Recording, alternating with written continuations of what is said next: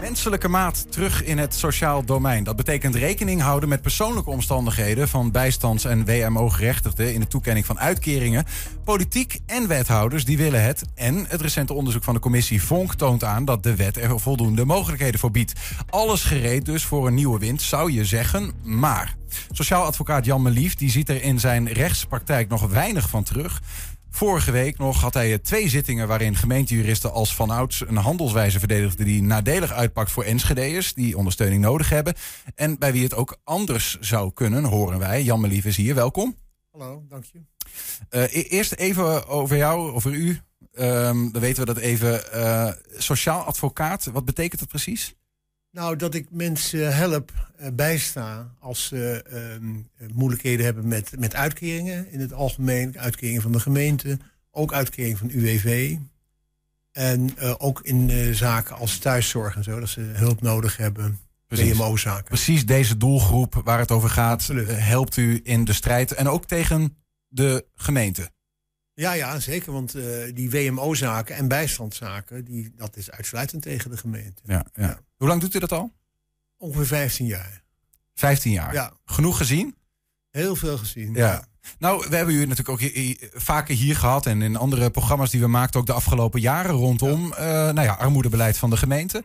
Um, in de wet, zeg maar in, in zowel de, de bijstandswet, de participatiewet als de WMO, zit uh, een bepaalde mate van ruimte die een gemeente kan geven, uh, kan, kan nemen in de, in de uitvoering. Hè? Hoe streng ben je in het controleren van heeft iemand al zijn plichten voldaan? Uh, dat blijkt ook uit dat onderzoek van die commissie Vonk. Enschede zegt nou zowel het college dat de macht heeft als de gemeenteraad die daar weer boven staat van wij willen dat dat wat menselijker, warmer wordt, wat losser. Um, zelfs vastgelegd in het coalitieakkoord. Merkt u dat ook in de praktijk? Um, zijn twee. Ik, ik, krijg natuurlijk alleen zaken die mis zijn gegaan. Dus als iemand een uitkering aanvraagt en die wordt afgewezen, die aanvraag, dan kan het zijn als iemand bij mij komt. Als die wordt toegewezen, komt iemand niet bij mij. Dus het, kan, dat, het zou best kunnen dat het aantal bij aanvragen er uh, mensen sneller een uitkering krijgen dan in het verleden. Mm -hmm. Maar de dossiers die ik nog heb lopen op dat punt, hè, daar is er wel eentje bij dat iemand 15 maanden heeft moeten wachten op een uitkering. Dan moet je dus even voorstellen dat je al die tijd geen enkel inkomen hebt, 0, niks. En iedere keer werd het afgewezen op uh, ja, technische gronden. Je legt de bewijslast bij, uh, bij de burger. Mm -hmm. Die zaak uh, is verloren in bezwaar, omdat dat op de gebruikelijke wijze ging. En die staat nu voor beroep. Nou, dat is, over twee weken is die beroepszaak. En nou, ik heb nog niet gemerkt dat ze ook maar iets daarvan terug willen nemen. Dus die meneer die heeft eigenlijk nog 15 maanden uit, uitkering te goed. De gemeente is niet gaan kijken, hebben niet nader onderzoek gedaan. Dus dat is nog steeds dezelfde lijn. En dat merk ik in de zaken die ik dus sinds dat die commissie aan de slag is geweest. En ook zeg, zelfs sinds het rapport is uitgebracht. Merk ja. ik dat dat nog steeds diezelfde houding van we leggen het zo negatief mogelijk uit. We vertrouwen de burger niet. We gaan uit van kwade trouw. We leggen de bewijslast bij jou. Hè, en als die bij jou ligt, dan gaan we ook maximaal daar, van dat gegeven gebruik maken. Ja, dus ja. dan ga je vragen naar bewijzen die waarvan je wel weet dat ze er niet zijn of waar je niet aan kan komen. En er wordt eigenlijk gewoon gevraagd van, uh, ja, bewijs maar eens dat jij nog nooit de rood bent gereden. Ik heb, dat vaker gebruikt, die uitdrukking, maar zo, kom, daar komt het wel op neer. Ja, precies. En u begint ook te zeggen dat het, dat zijn dus de gevallen waarin het misgaat, anders komen ze niet bij u terecht. Ja. Maar uh, ziet, ziet u dan ook dat uh, ziet u wel, wat, wat, ziet u in de aantallen gevallen die bij u terechtkomen? Want daar zou je mogelijk ook iets moeten kunnen zien. Hè? Dat, dat er minder gevallen uiteindelijk bij de sociaal advocaat terechtkomen. Of kunnen we dat moeilijk toetsen?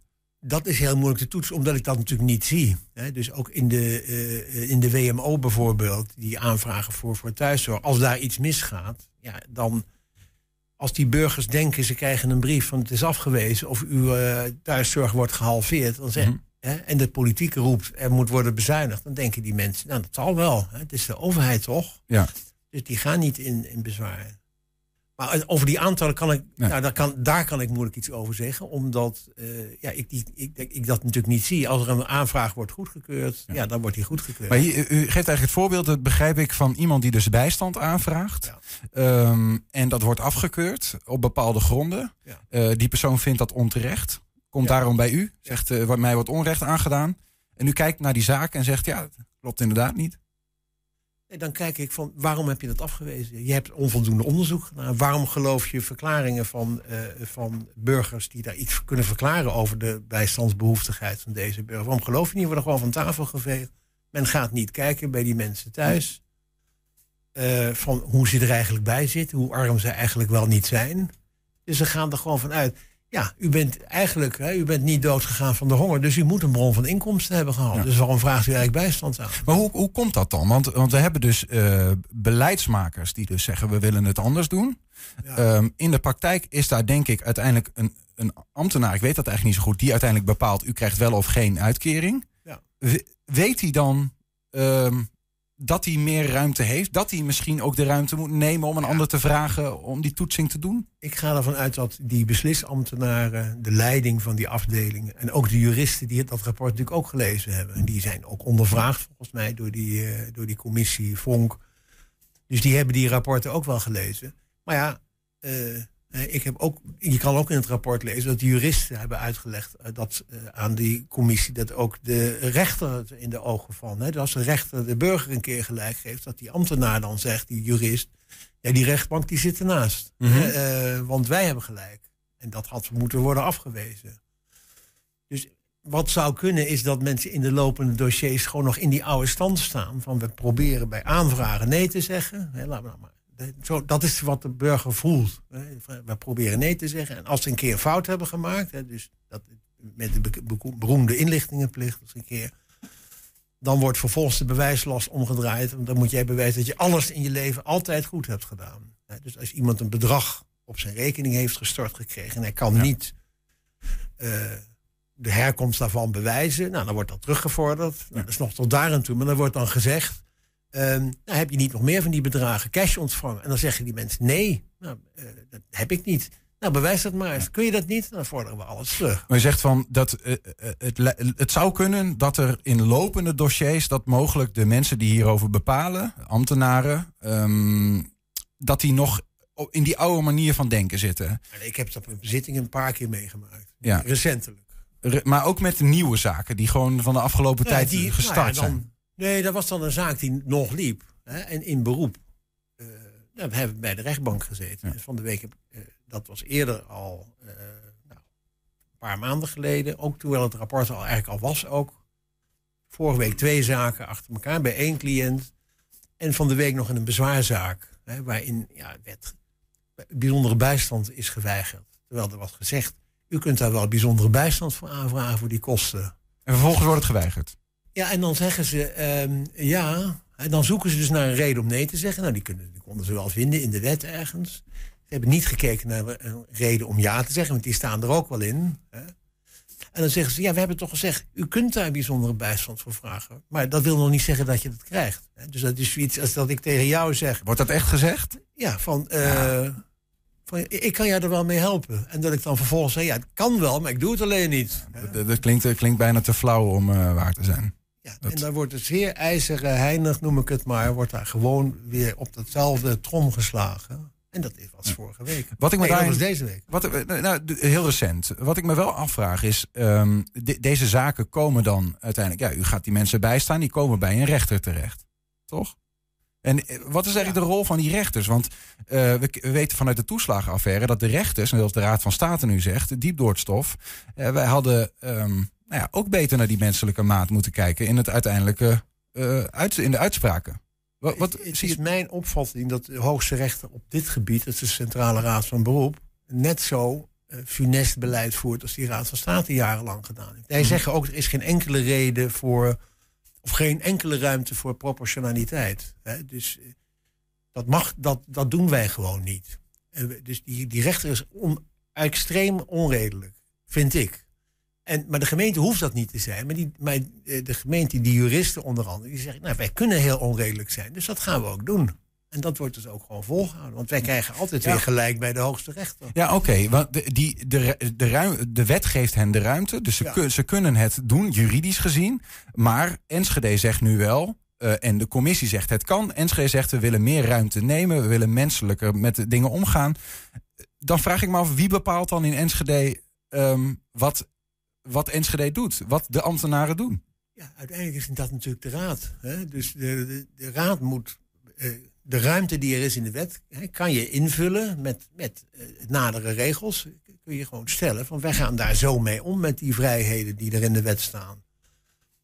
Dat is aan uh, de raad om daar regels voor te stellen en voor het college om dat uit te voeren. Mm -hmm. de, de, het college, er staat het college kan, hè, er staat er kan iets geven. Nou, dan kan dus de, het college dat ook beslissen om dat te doen. Als er geen nadere regels zijn, kunnen zij gewoon die wet zo eh, ja. toepassen. Maar het, wordt natuurlijk niet door de wethouder zelf gedaan, of ook niet door, door het hele college. Die besluiten, die worden natuurlijk voorbereid en onder mandaat genomen. Zo mm -hmm. gaat dat. Ja, dus er worden, worden notities gemaakt. Anders, ja, als die ambtenaar daar dus anders over denkt en de, die wethouder ziet misschien niet al die besluiten, ja, dan, uh, ja, dan, dan komt de burger misschien toch weer bij mij terecht. Ja, ja maar en toch willen we als Enschede iets anders. De raad ja. bepaalt dat en die hebben gezegd, we willen het anders. Ja. Wat, wat, wat moet er dan... Uh, ja, ik weet niet of u daar een visie in heeft, maar wat moet er dan wel... Want er is nu een onderzoek geweest. Uh, daaruit blijkt dat er meer ruimte is. Daaruit blijkt ook dat die ruimte niet altijd is gegeven, maar dat we het anders willen.